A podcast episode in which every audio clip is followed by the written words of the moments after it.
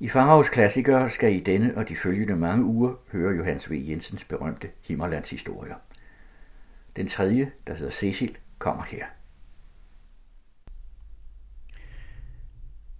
I en gård nede ved fjorden boede en mand, de kaldte Bette Anton. Han var gammel og hvidhåret og havde aldrig været gift. Det kom af, at Bette Anton var en tøvende og grundig natur. Han havde tit og ofte været i støvlerne for at bejle. I løbet af 40-50 år var det hent mange gange, at en enke sad i sin bedrift og trængte til støtte. Men Kort efter krigen i 64 var Bette Anton det nærmeste ved en beslutning, han nogensinde havde været. Alt var så godt som i orden. Enken var rask og renfærdig, og der var ingenting til hænder. Men kæret lå for langt fra gården. Man kunne gerne spille det halve at læse tørv undervejs. Nu gik der en ung kal i gården, Bette Antons brodersøn. Han hed også Anton. For nogle år siden var Bette Antons bror kommet hjem fra København, hvorhen han i tidernes grå begyndelse var rejst. Det klinger som et eventyr. Men sagen var, at halvøens beboere gav sig af med fiskeri. Ved hver større gård ser man den dag i dag et lille enligt liggende hus af rå sten og med tagpyramide af halm. I gamle dage røgede gårdmændene ål her i store partier. Dengang fiskede alle i den unge alder også de, der siden arvede ejendom og drev jordbrug. Og når de unge bønder var på fiskeri, hentede det, at der kom uvejr over dem, så de måtte søge ind til fremmedland. De kom på den måde til Salling og Thy og stundom endnu længere bort. Kørslerne til Randers med de røde ål gjorde sit, og således kunne det gå til, at en forvågen natur som Bitte Antons bror fik det store udsyn og det slugende mod.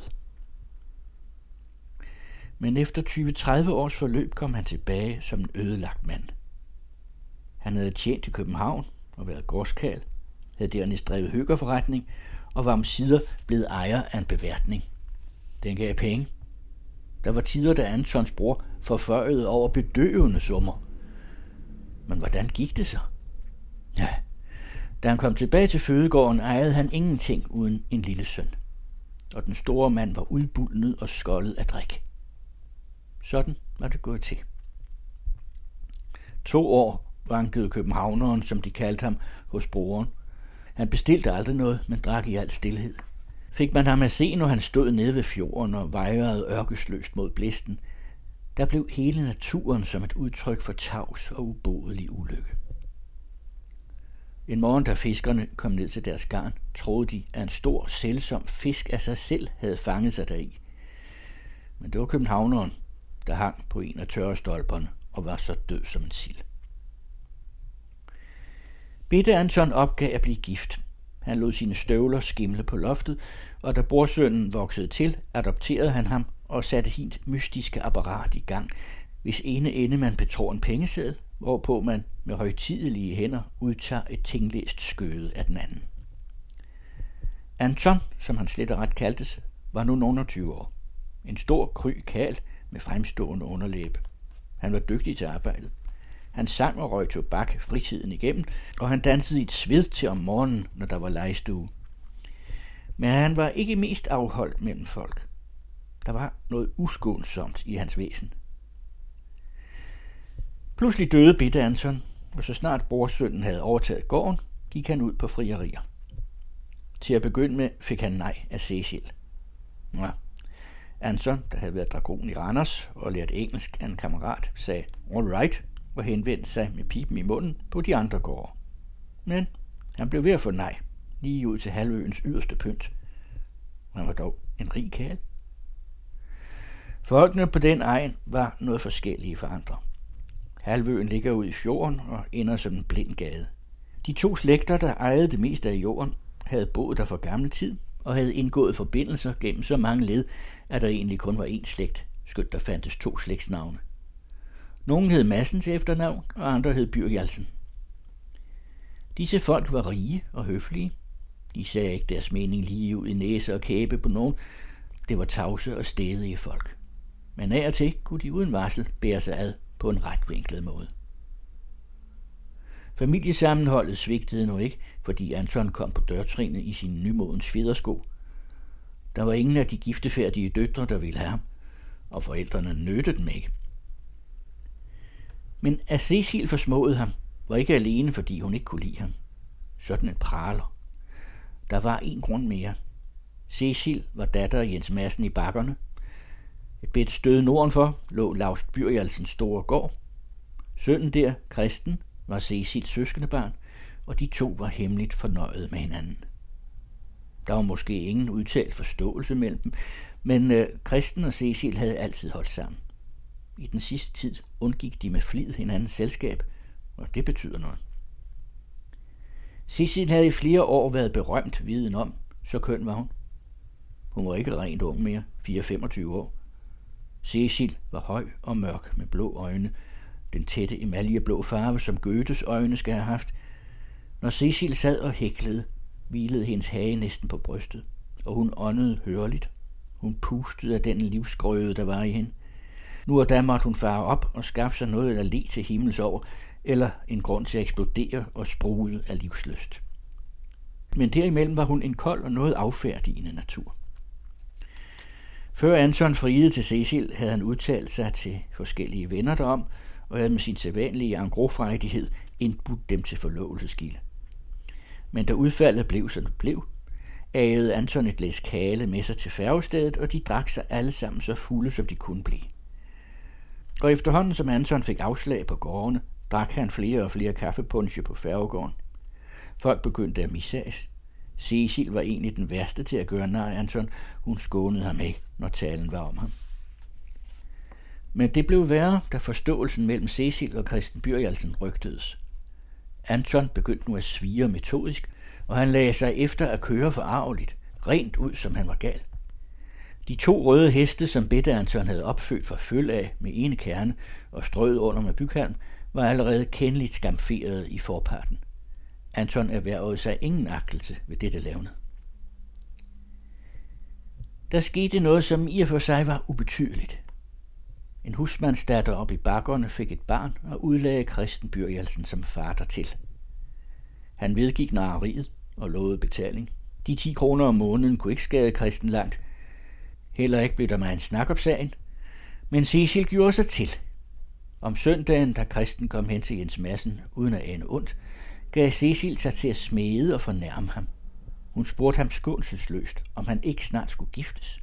Hun talte om husmandstøsen i det. Hun gav sig mine ikke at kende hende og historien. Hun var skamkøn. Sikke fødder hun havde. Hun lugtede langt væk hen ad møg. Og Cecilie lå.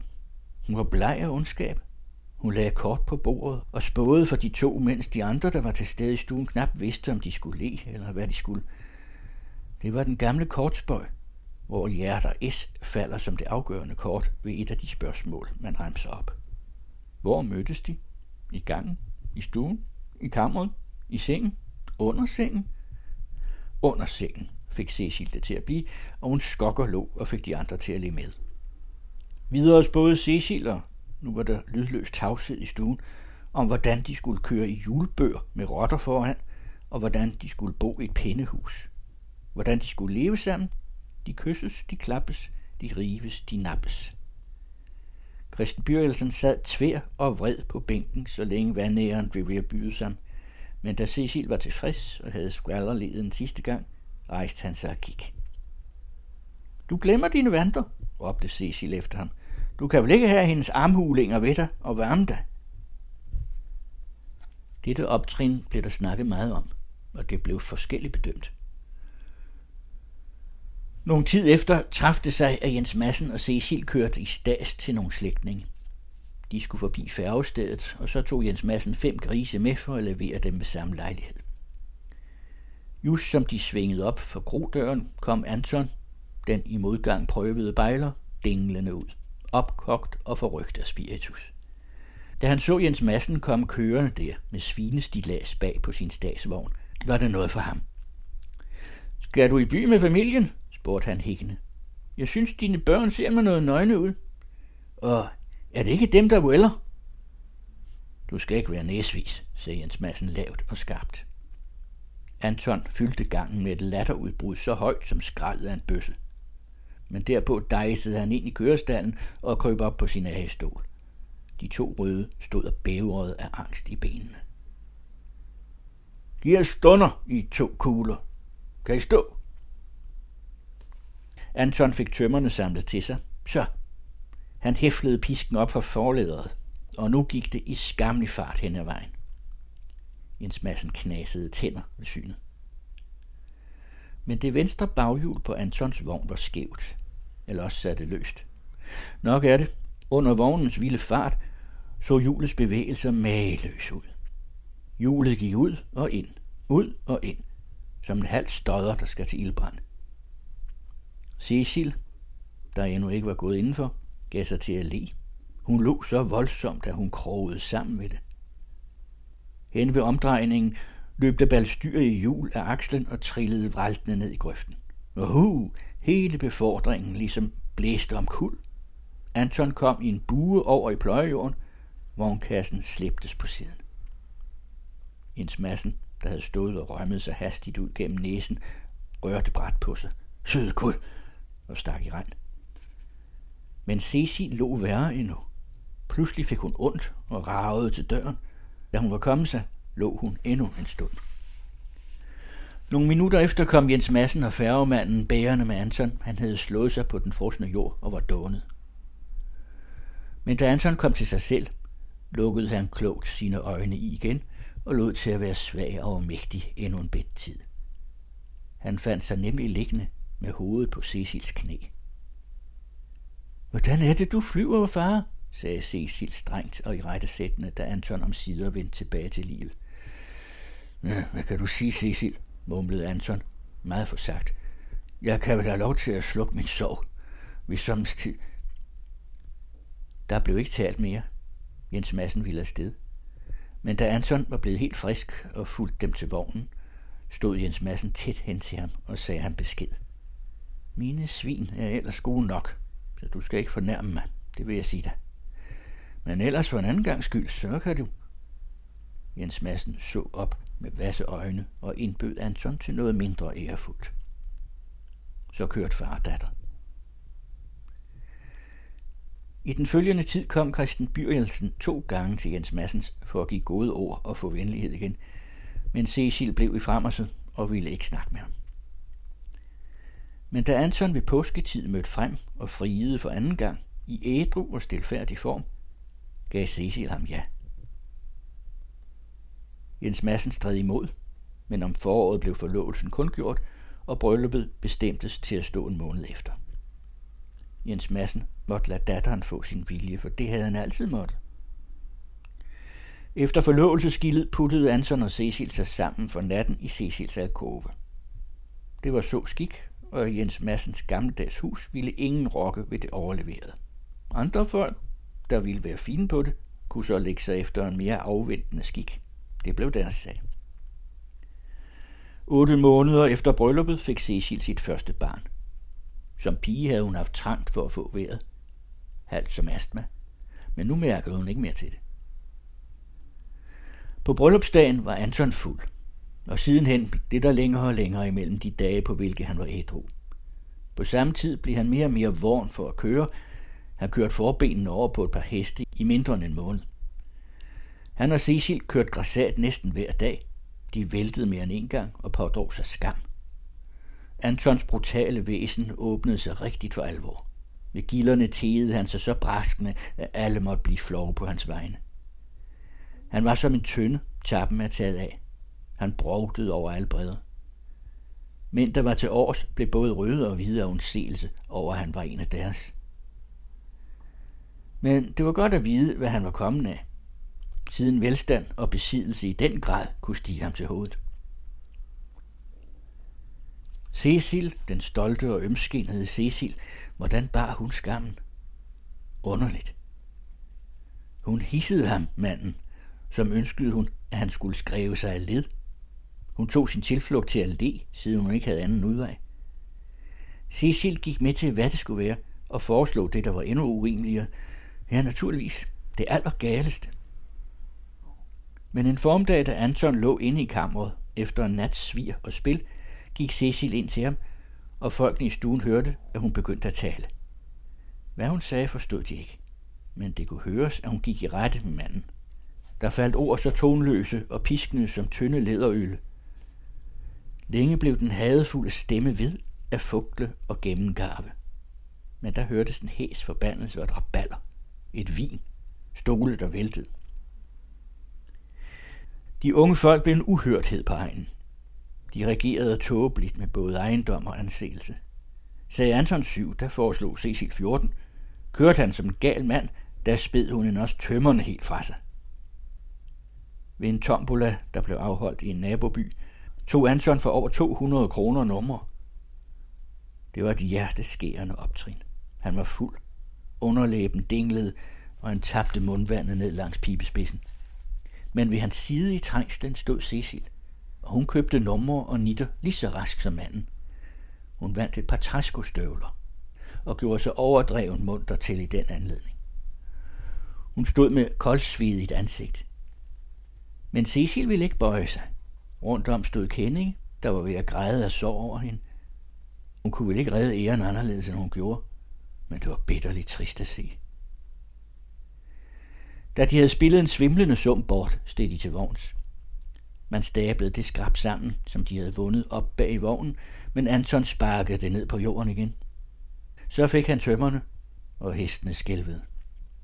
Ned over vejen. Vognen rullede tæt og skarpt som på et gulv, så rasende kørte Anton. Det var som selve satan, der kom kørende.